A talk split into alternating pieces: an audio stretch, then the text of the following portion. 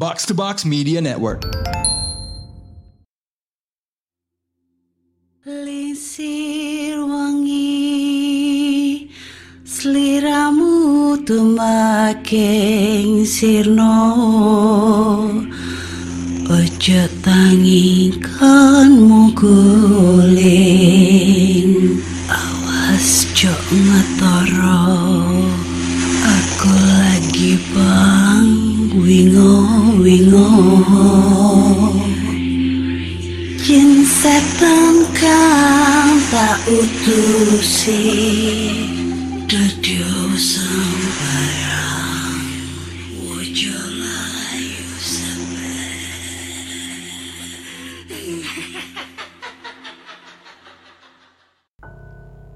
Hai Re, Yo apa kabar Ketemu lagi dengan aku si Ana di podcast kisah horor. Dan kita bertemu di episode 282 Dan di episode kali ini aku membacakan cerita horor Ataupun email berhantu Yang sudah dikirimkan teman-teman melalui podcast kisah horor gmail.com Ataupun di Instagram podcast kisah horor Serta Google Form yang linknya tersedia di bio Instagram podcast kisah horor.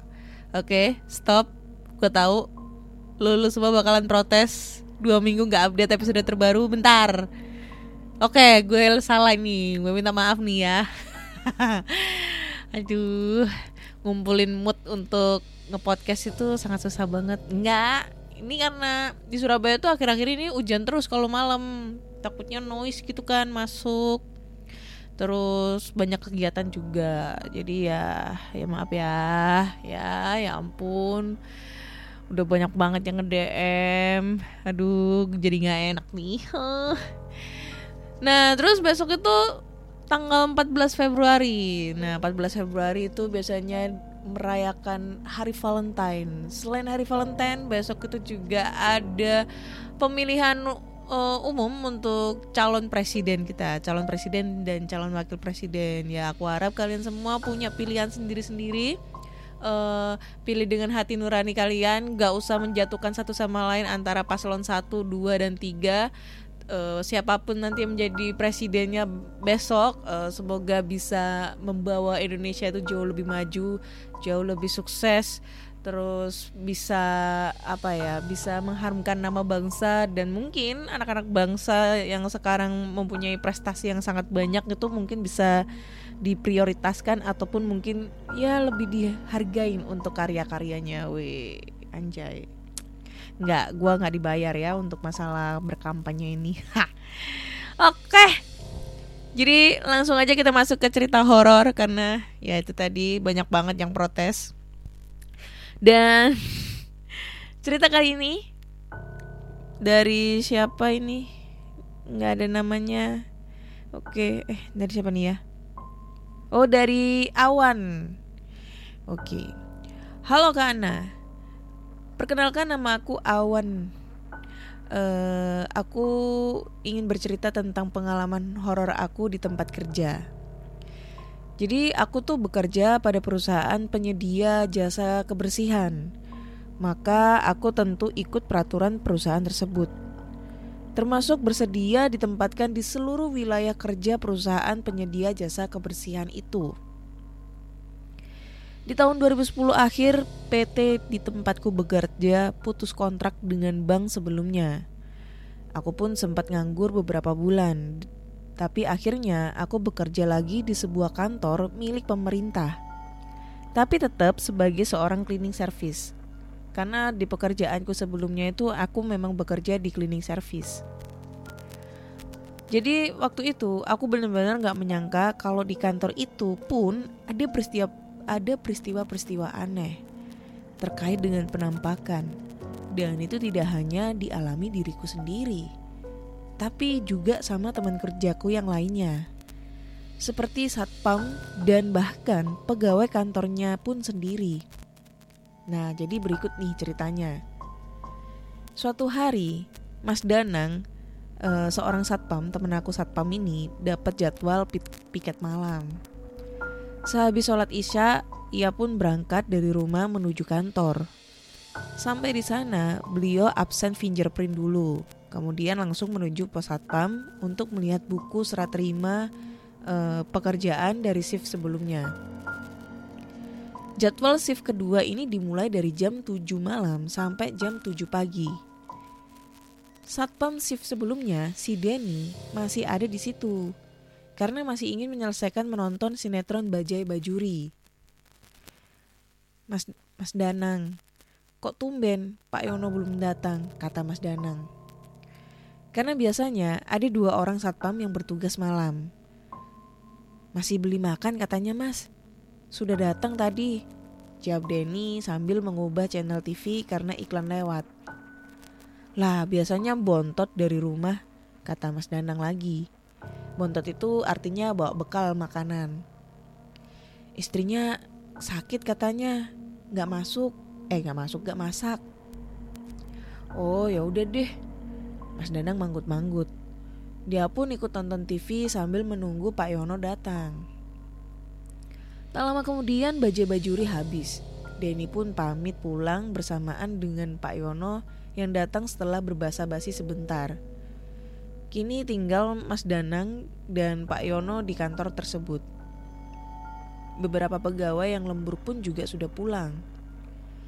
Tayangan televisi juga mulai kurang menarik sampai waktu menunjukkan pukul 10 malam. Pak Yon, waktunya cek lokasi yuk, kata Mas Danang pada Pak Yono memperhatikan jalan di depan kantor yang mulai sepi. Hanya beberapa kendaraan besar yang lewat dari arah Banyuwangi. Oke, siap mas, sahut Pak Yono sambil mengunci pintu pagar. Mereka berdua pun berkeliling area luar kantor untuk memeriksa keadaan. Semua pintu dan jendela juga diperiksa dari luar apakah sudah terkunci dengan baik atau masih dalam dikunci. Eh, atau masih belum dikunci. Karena biasanya pegawai yang lembur sampai malam kadang lupa mengunci jendela dari dalam. Kemudian masuk dari pintu masuk bagian belakang. Lalu menguncinya dari dalam.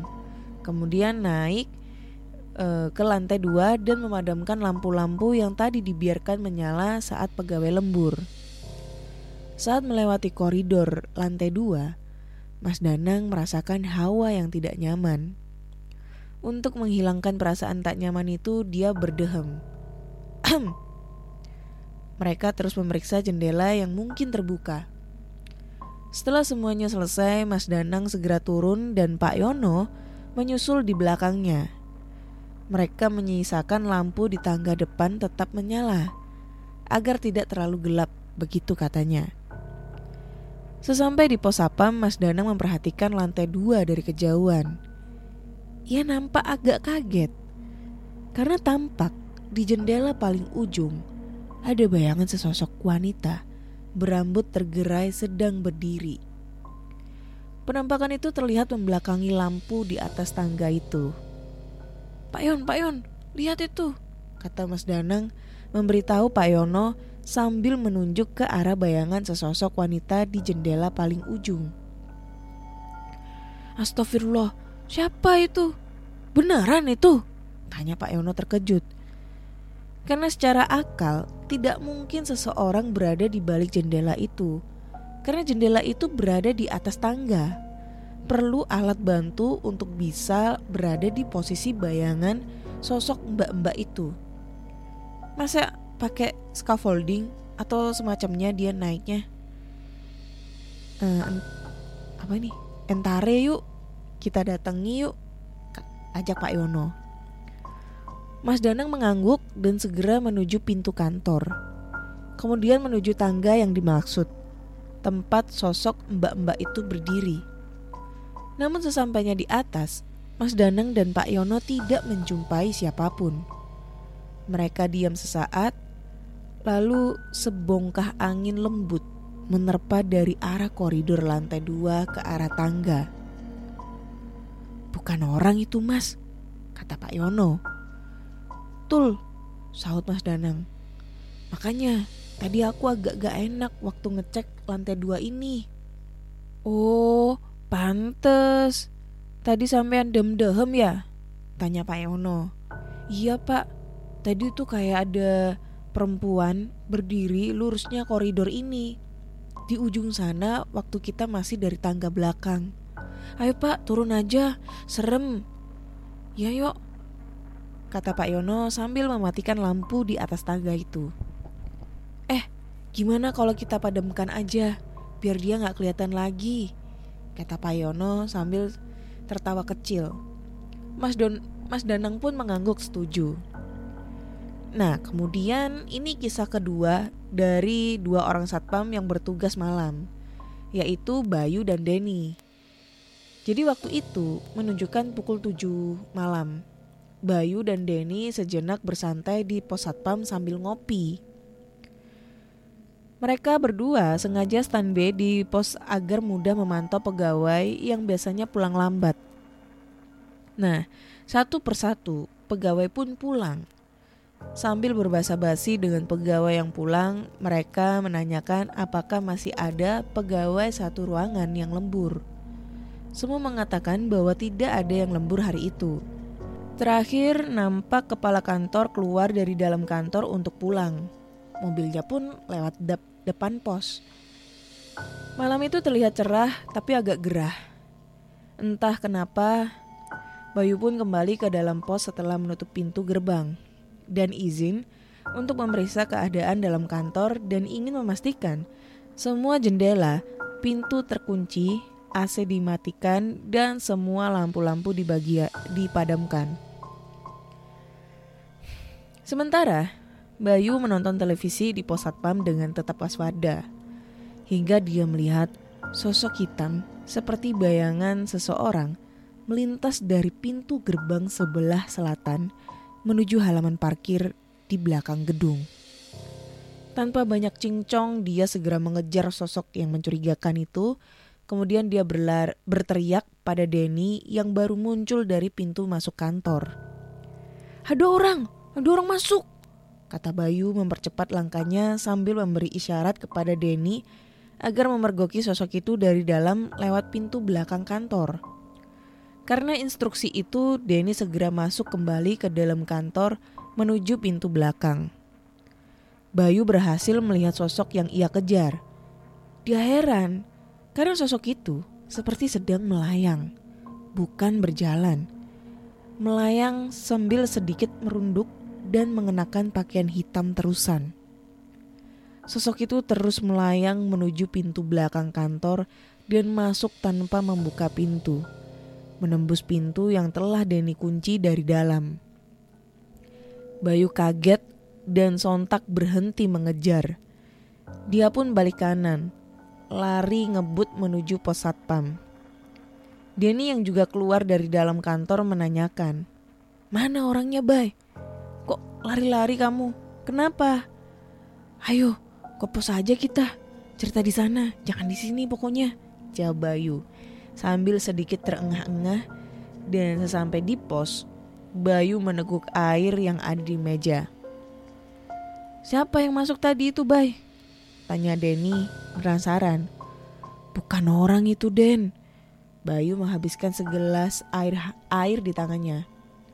Terus, cobe, hantu. Sergah Denny tak sabar mendengar cerita Bayu. Iya, betul, hantu, Den. Halah, masa sih, Bay? Tanya Denny tidak percaya.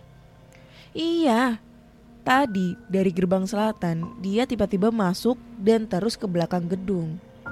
Tapi dia nggak seperti berjalan. Dia ini melayang. Wajahnya nggak kelihatan jelas. Soalnya dia agak merunduk. Lanjut Bayu. Masa kamu nggak kelihatan dari dalam, Den? Denny hanya menggeleng. Kan gelap dari dalam, Bay. Tertutup gorden. Kamu nggak pernah kelihatan apa-apa gitu selama piket? Bayu bertanya pada Denny. Gak pernah, Bay. Aku cuma pernah lihat seseorang cewek pakai baju putih, rambut tergerai ke depan. Dia duduk di tembok di bawah papan reklame itu. Jawab Denny menunjuk ke menunjuk ke arah tembok dekat pintu gerbang selatan. Berdoa aja yuk Den, biar mereka nggak mengganggu pekerjaan kita, kata Bayu sambil menyeka keringatnya. Denny hanya mengangguk setuju. Mereka pun berdoa agar pekerjaan mereka lancar tanpa gangguan teknis maupun non-teknis. Oh iya, Walaupun aku seorang tenaga cleaning service yang jam kerjanya pagi sampai sore hari, kadang aku harus balik ke kantor untuk mencuci gelas dan alat makan kantor yang digunakan pegawai sepanjang hari tadi. Untuk itu aku biasanya kembali sehabis sholat isya. Sebenarnya malam itu aku tuh agak males ke kantor karena udah mager. Tapi dengan terpaksa aku kembali ke kantor juga jika tidak ingin keteteran besok paginya. Untung rumahku itu cukup dekat dengan kantor. Ya kurang lebih 300 meter lah jaraknya. Jadi cukup jalan kaki aja udah nyampe. Aku datang kira-kira jam 9 malam. Pas masuk ke dalam kantor, aku berjumpa Bayu dari arah ruang pantry. Raut wajahnya agak kaget melihat aku. Loh, mas, kok sudah di depan? Tanya Bayu. Lo emang baru dateng ini? Jawabku. Bukannya tadi sampean bawa gelas kotor, pakai kursi? Tanya Bayu keheranan. Memang biasanya aku membawa gelas dan alat makan yang aku kumpulkan dalam ember plastik dan menggunakan kursi kerja yang ada rodanya dari ruangan yang aku ambil gelas dan alat makan kan alat makan kotornya. Maklum, tidak ada troli khusus untuk itu. Aku juga dengar sampai cuci gelas di pantry kok mas. Aku kan numpang BAB di toilet belakang tadi. Bayu masih keheranan. Mosok sih bay? Mungkin Irul itu yang cuci gelas. Aku gak percaya omonganmu Bayu. Tapi aku pikir-pikir Irul juga gak pernah dapat tugas cuci gelas dari pengawas. Gak mungkin mas. Aku lihat kok uh, aku lihat gak ada sepeda motornya Irul. Bayu pun ber, berlalu sambil tertawa. Aku hanya bisa terheran-heran dan melanjutkan pekerjaanku. Setelah aku selesaikan cuci gelas, aku pun langsung ke pos satpam. Di situ tampak Bayu sedang ngobrol dengan Nuris, yang juga satpam piket malam. Rupanya mereka bercerita kejadian barusan. Kami pun tertawa. Gimana barusan? Ditemenin nggak? Kak Ono, bay, aman. Kalau ganggu, ya tak lempar gelas lah. Aku suruh sikat toilet, celotehku. Bayu bercerita bahwa tadi memang ada seseorang yang mirip aku melakukan kebiasaanku uh, mencuci piring di pantry. Seperti ya itu tadi kayak mencuci piring lalu nyeret kerja eh kursi kerja beroda dan suaranya pun itu jelas klodak klodak klodak gitu. Untung aku nggak ke dalam kantor. Sahut Nuris yang memang penakut walau badan gede tampang preman tapi kan kamu piket malam ini kataku pada Nuris. Maaf bro. Aku nggak mau ke dalam. Biar di sini aja sampai pagi jawab Nuris sambil angkat tangan. Ya udah hati-hati. Uh, kalau piket malam itu mungkin mau bantu-bantu aku cuci gelas candaku agar mereka nggak terlalu gugup. Ya udah aku pulang dulu ya. Oke. Uh, oke bro jawab Nuris dan Bayu serempak. Hmm tidaknya udah selesai ternyata endingnya agak sedikit gantung ya gantung banget gitu oke thank you buat Awan ceritanya nah pengalaman horor di kantor nih ya ini udah cerita kesekian kalinya pengalaman horor di kantor dan jujur ya, pengalaman horor di kantor itu jauh lebih menakutkan dibandingkan cerita kesurupan masal waktu persami. Beneran. Gua kenapa gue bilang kayak gini? Ya karena gue pernah ngalamin walaupun nggak ditampakin secara solid banget detail gitu ya. Maksudnya mungkin kan diganggu suara-suara atau mungkin bayangan-bayangan yang cepet banget kayak gitu-gitu. Tapi itu emang sering terjadi itu pas uh, gue tuh kayak ngejalanin suatu kegiatan ritual lembur di kantor sampai malam gitu kan. Apalagi dulu kantor gue itu uh, kalau ngelembur tuh sampai jam 10, jam 11, setengah 12 gitu kan. Karena deadline untuk unitnya itu. Kalau di sekolah itu dulu itu paling malam itu sampai jam 9 sih itu jadi kalau pengalaman horor itu jauh lebih menakutkan yang di tempat kerja gue yang dulu yang di karoseri itu. Wah itu emang sejuta horor di sana.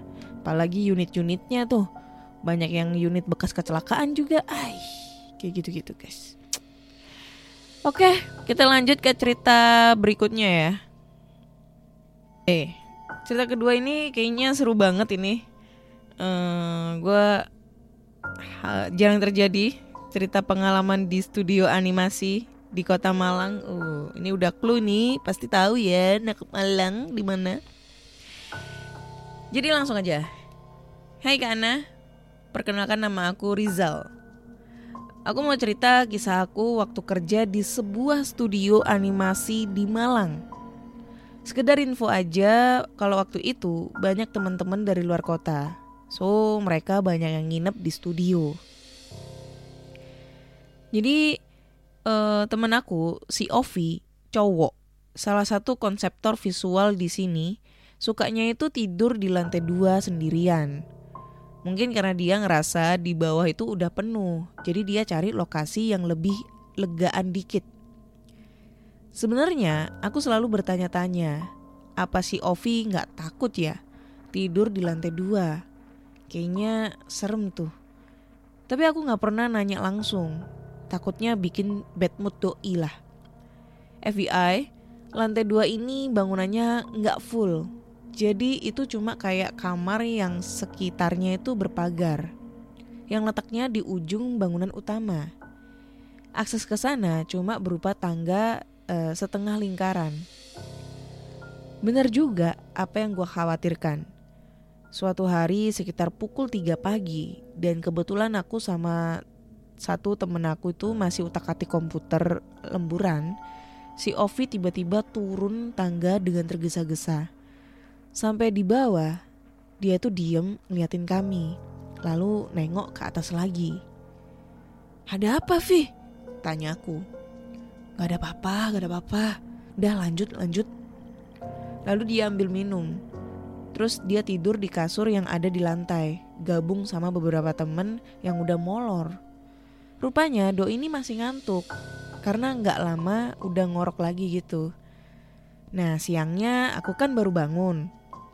Lalu salah satu temen aku tuh cerita. Dia tadi tuh diceritain si Ovi.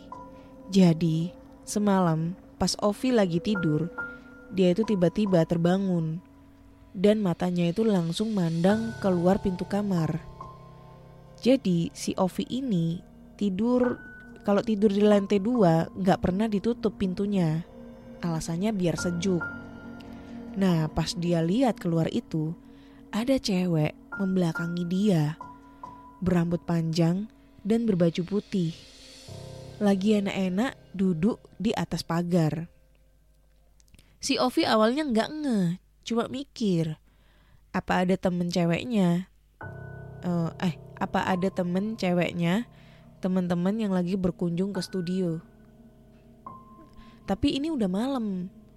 Tapi kok naik pagar? Lalu gak lama kemudian dia baru sadar kalau itu si kuntilanak. Dia takut dan bingung. Mau lari gimana? Orang satu-satunya jalan keluar, ya pintu di depannya itu yang dihalangin sama si kuntilanak. Dia pejemin matanya lagi, tapi perasaannya masih belum tenang. Dia coba intip lagi, ternyata kuntilanak itu udah hilang. Langsung aja dia bangun dan lari ke bawah. Sejak saat itu Doi ini gak berani lagi tidur di lantai dua kecuali ada temennya. Nah kalau ini pengalaman dari Mas Rocky. Jadi Mas Rocky ini owner studionya. Mas Rocky ini nempatin sebuah kamar yang khusus untuk dia. Beda sama temen-temen dan aku tidurnya ngumpul jadi satu kayak pindang baris-baris. Nah malam itu Mas Rocky itu tidur kayak biasanya. Entah kenapa dia tuh tiba-tiba kebangun dan langsung kaget. Karena tep karena tepat di depan wajahnya ada wajah seram berbungkus kain kafan. Wajahnya eh sorry. Jadi posisi mereka ini sama-sama horizontal kalau Mas Rocky terlentang di atas kasur, sementara si Pocica ini tengkurap dengan melayang. Anjay. Dengan santainya Mas Rocky ini ngomong, "Oh, pocongan." Lalu merem lagi. Tidur sampai pagi. Lalu kemudian pengalaman aku sendiri. Jadi ini pengalaman yang gak pernah aku lupain dan kejadiannya itu di siang bolong. Jadi meja-meja komputer tempat aku itu tempat kerja itu jaraknya sekitar 2 sampai 3 meter dari toilet. Jadi dua meja paling ujung yang dekat toilet. Sangat-sangat mudah melihat pintu toilet. Dan siang itu teman-teman lagi full ada di studio. Ada yang duduk, ada yang berdiri ngasih arahan ke animator dan lain-lain sebagainya. Aku tuh kebelet pipis, terus masuk toilet. Abis pipis, aku buka pintu toilet. Dan baru satu langkah mau keluar, aku rubuh tengkurap. Posisiku kepala sampai lutut ada di luar toilet. Lutut sampai kaki ada di dalam toilet. Aku eh sorry, kaki aku rasanya terjerat. Seperti dipegangin dua tangan goib. Dan itu terasa banget. Aku takut bukan main. Aku coba panggil temen-temen yang jelas banget kelihatan di depan mata aku. Mau minta tolong, tapi mulut aku itu nggak keluar suaranya. Jadi cuman mangap-mangap dengan tangan melambai-lambai. Berharap salah satu teman ada yang ngeliat dan menolong. Entah berapa menit aku kayak gitu, lalu aku juga baca-baca doa dalam hati. Lalu pegangan itu terasa sangat uh, terasa sangat dingin, lalu tiba-tiba kayak melepasnya itu pelan-pelan. Aku segera bangun dari dan lari ke teman-teman. Aku tanya ke teman yang duduknya paling dekat dengan toilet. Kok dia nggak ngelihat aku tadi? Dia cuma heran aja. Memang ada apa sih? Tanyanya polos. Jadi entah bener atau enggak, denger-dengar rumah yang dikontrakin itu yang dibikin studio, konon memang sengaja dikasih jebak jebakan Batman sama pemiliknya. Sehingga setiap yang ngontrak selalu nggak betah dan pindah. Cuman karena Mas Rocky ini pemberani, jadi dia woles aja dengan semua kejadian serem itu. Dan ini membuat mental teman-teman ikut berani. Meski kalau pas kena jebakan tetap takut juga. Ya ceritanya emang gak cuma tiga itu aja, ada yang lain. Kayak bayangan-bayangan berseli berseliweran gitu. Ada juga yang ngalamin kayak diintipin orang, tapi pas dicek gak ada siapa-siapa. Inilah yang bikin kami tinggal lebih lama dari yang ngontrak-ngontrak terdahulu. Nah, karena itu juga uh, apa nyampe mana nih tadi? Oh, dengar-dengar lagi nih, si pemilik bikin masalah baru supaya kami pindah. Tak begitu tahu persis trik si pemilik. Mas Rocky pun memutuskan untuk pindahan. Hari itu kami pindahan. Semua barang sudah diboyong ke kontrakan baru cuma tinggal TV dan beberapa perintilan yang masih tertinggal. Dan itu nanti jatah Mas Awan yang bawa. Loh, namanya kok sama sama yang tadi.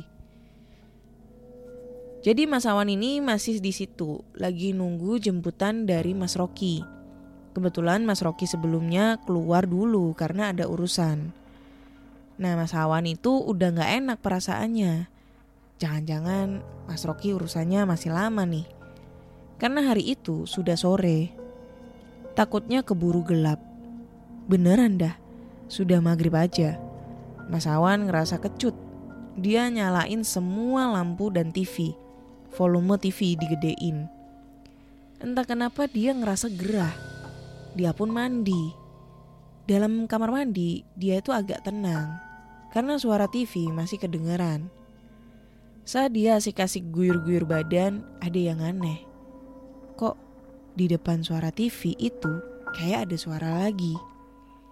Kayak suara orang nangis. Nangisnya itu aneh. Lebih kayak suara dejetan yang bergelombang. Mas Awan menghentikan bentar guyuran airnya.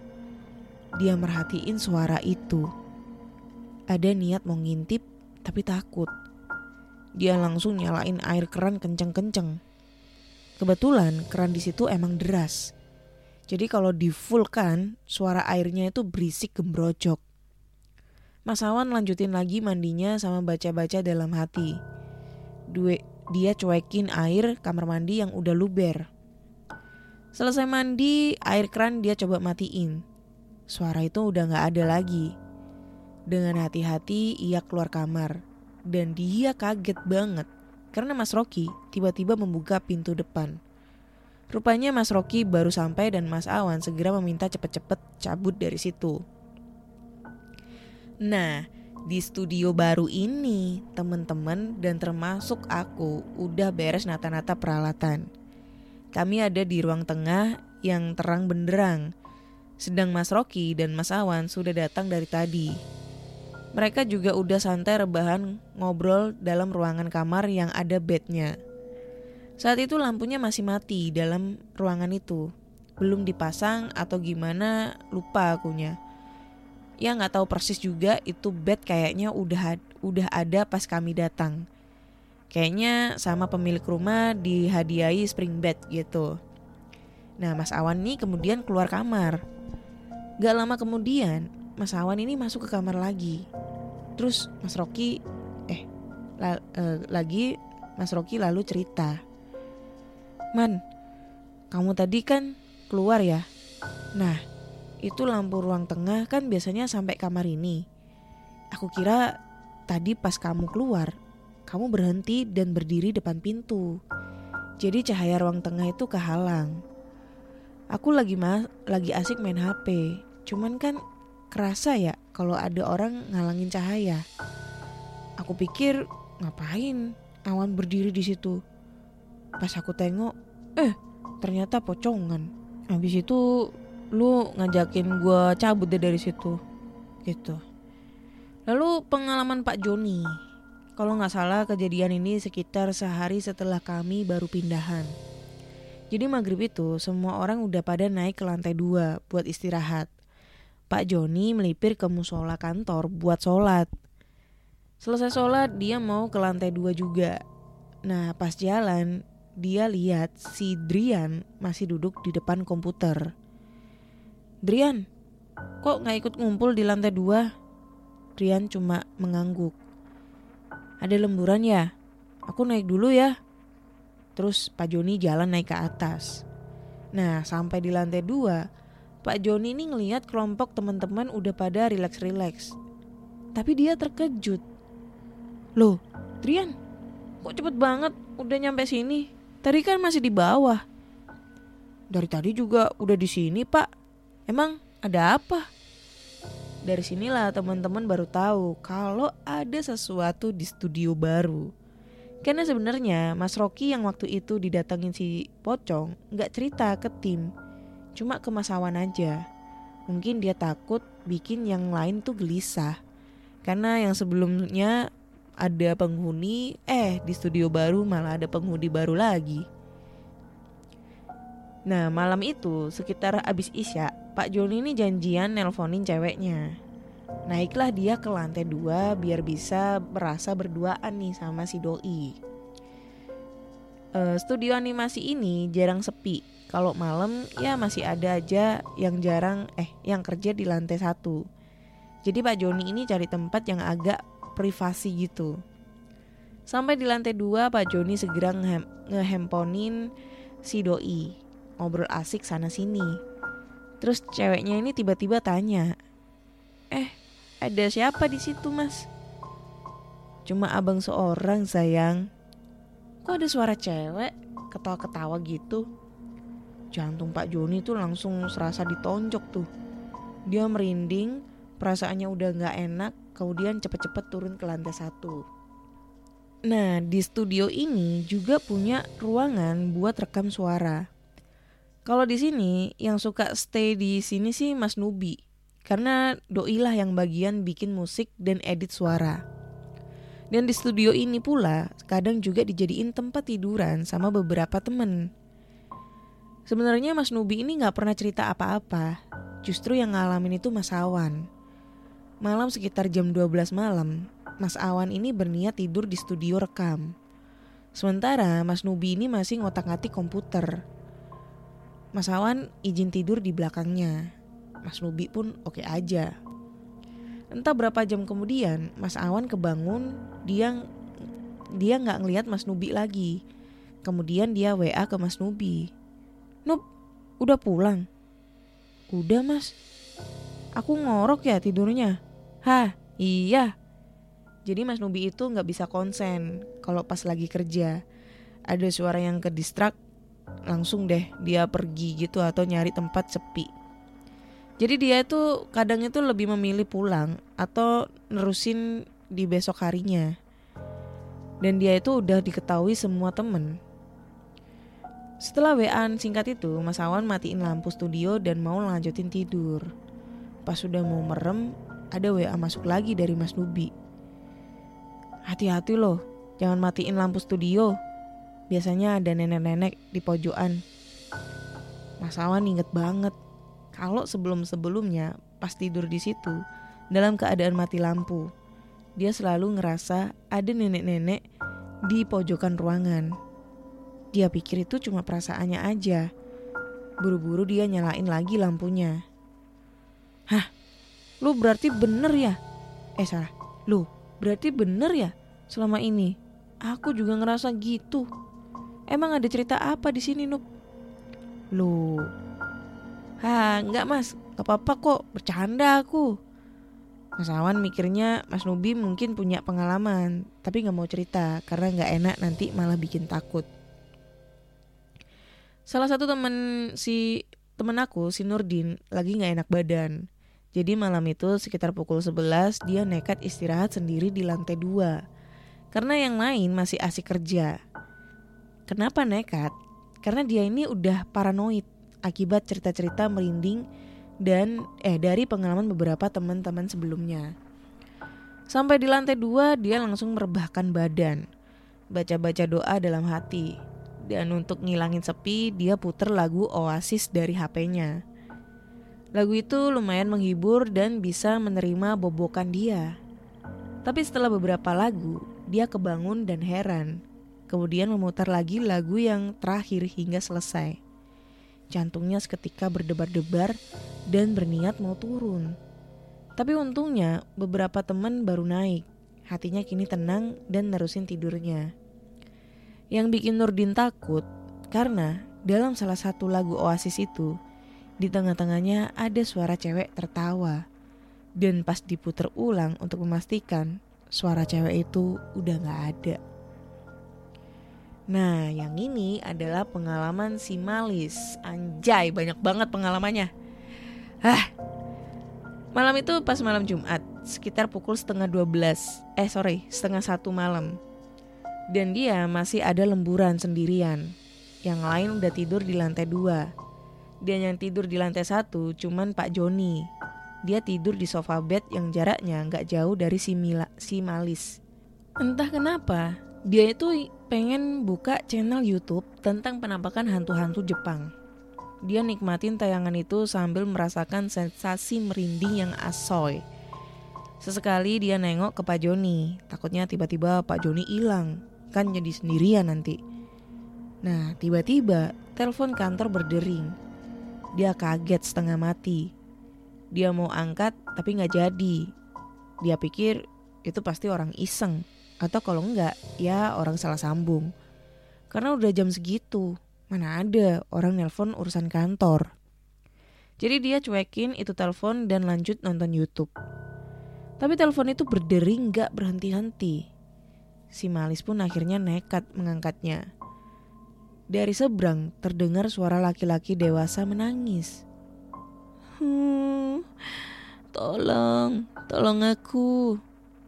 Halo, ini siapa? Halo? Hmm, aku anakmu pak. Tolong pak. Anjay, serem. Perasaan Malis jadi gak enak. Rasa takut menjalari tubuhnya. Langsung telepon itu dia tutup. Lalu lari ke Pak Joni. Ada telepon aneh. Ah, sudah, sudah. Mending istirahat sini.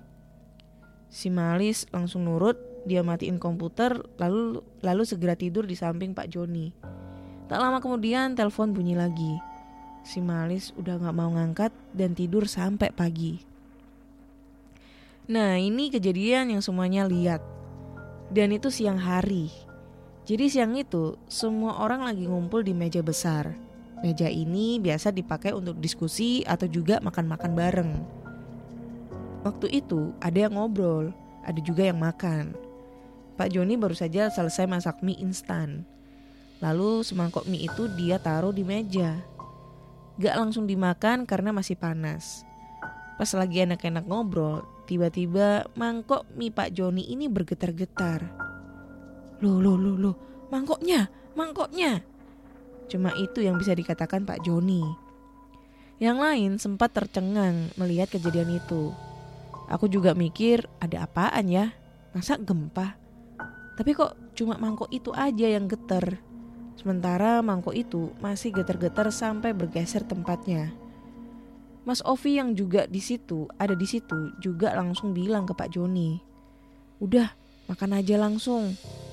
Pak Joni menurut, dia sambar sendok dan pegangin si mangkok. Kemudian segera ia makan minyak. Siang itu ada tetangga depan yang meninggal, jadi beberapa warga ada di situ. Karena kami warga baru, jadi ikutan nimbrung biar enakan gitulah. Pas lagi duduk-duduk, bapak-bapak di sebelah aku tuh tanya, Mas, gak ada apa-apa di situ? Sambil nunjuk rumah yang kami kontrak jadi studio. Enggak pak, emang ada setannya? Jawab aku sok polos.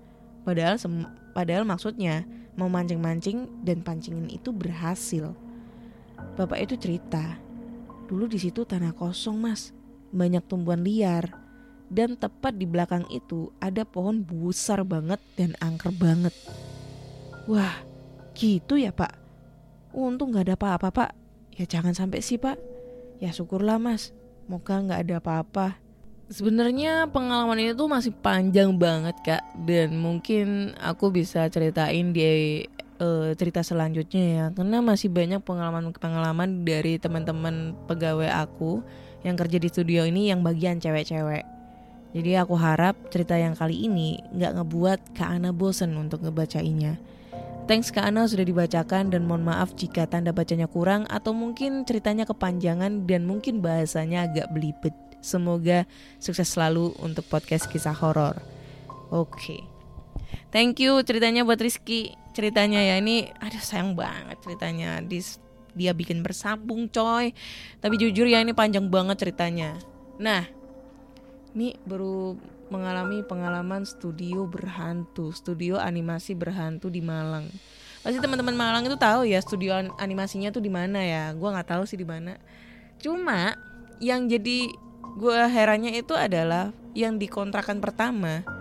Banyak banget gangguan-gangguan dan katanya ini kata si pencerita dengar-dengar kenapa banyak gangguan? Karena dipasang banyak jembatan bed apa jebakan Batman sama si pemilik kontrakan.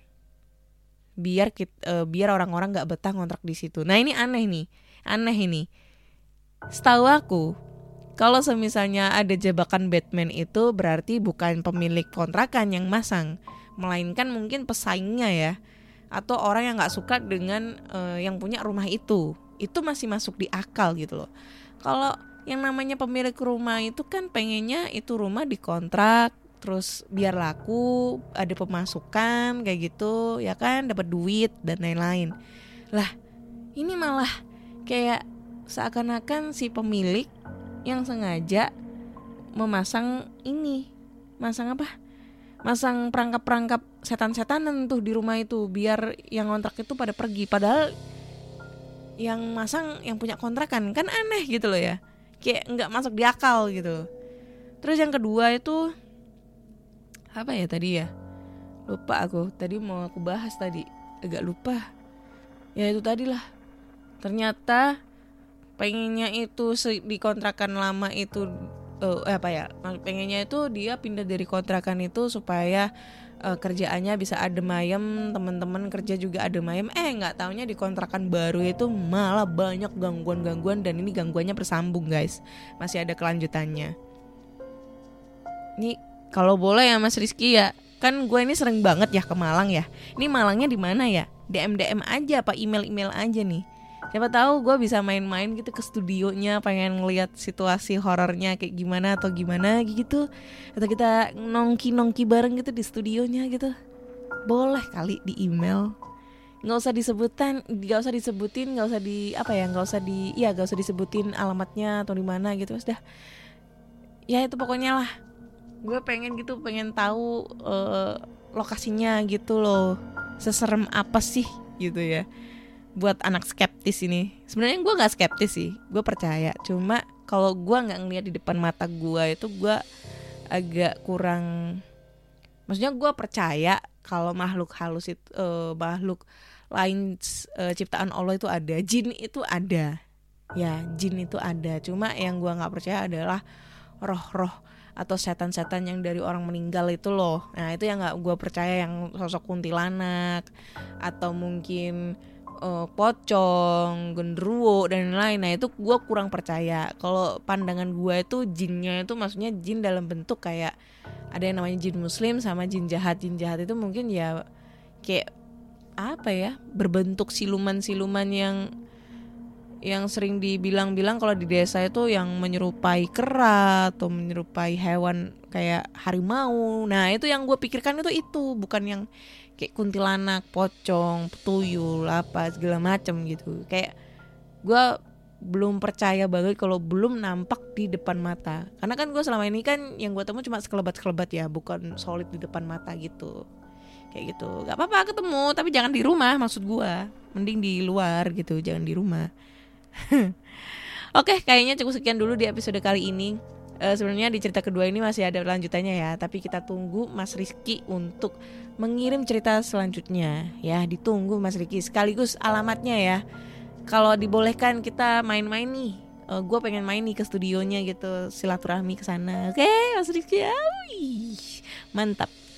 Oke kalau gitu teman-teman terima kasih sudah mendengarkan podcast kisah horor sampai detik ini di episode 282 Eh, jangan lupa dengerin podcast kisah horor di Spotify, Google Podcast. Eh, Google Podcast udah mau tutup nih. Jadi dengerin di Spotify, Noise, Apple Podcast dan platform podcast kesayangan kalian. Jangan lupa juga like eh, podcast kisah horor di Spotify, eh sorry di Noise dan juga dan jangan lupa juga kasih rating bintang 5 untuk podcast kisah horor di Spotify. Kasih komentar-komentarnya juga ya. Eh, udah. Bye bye.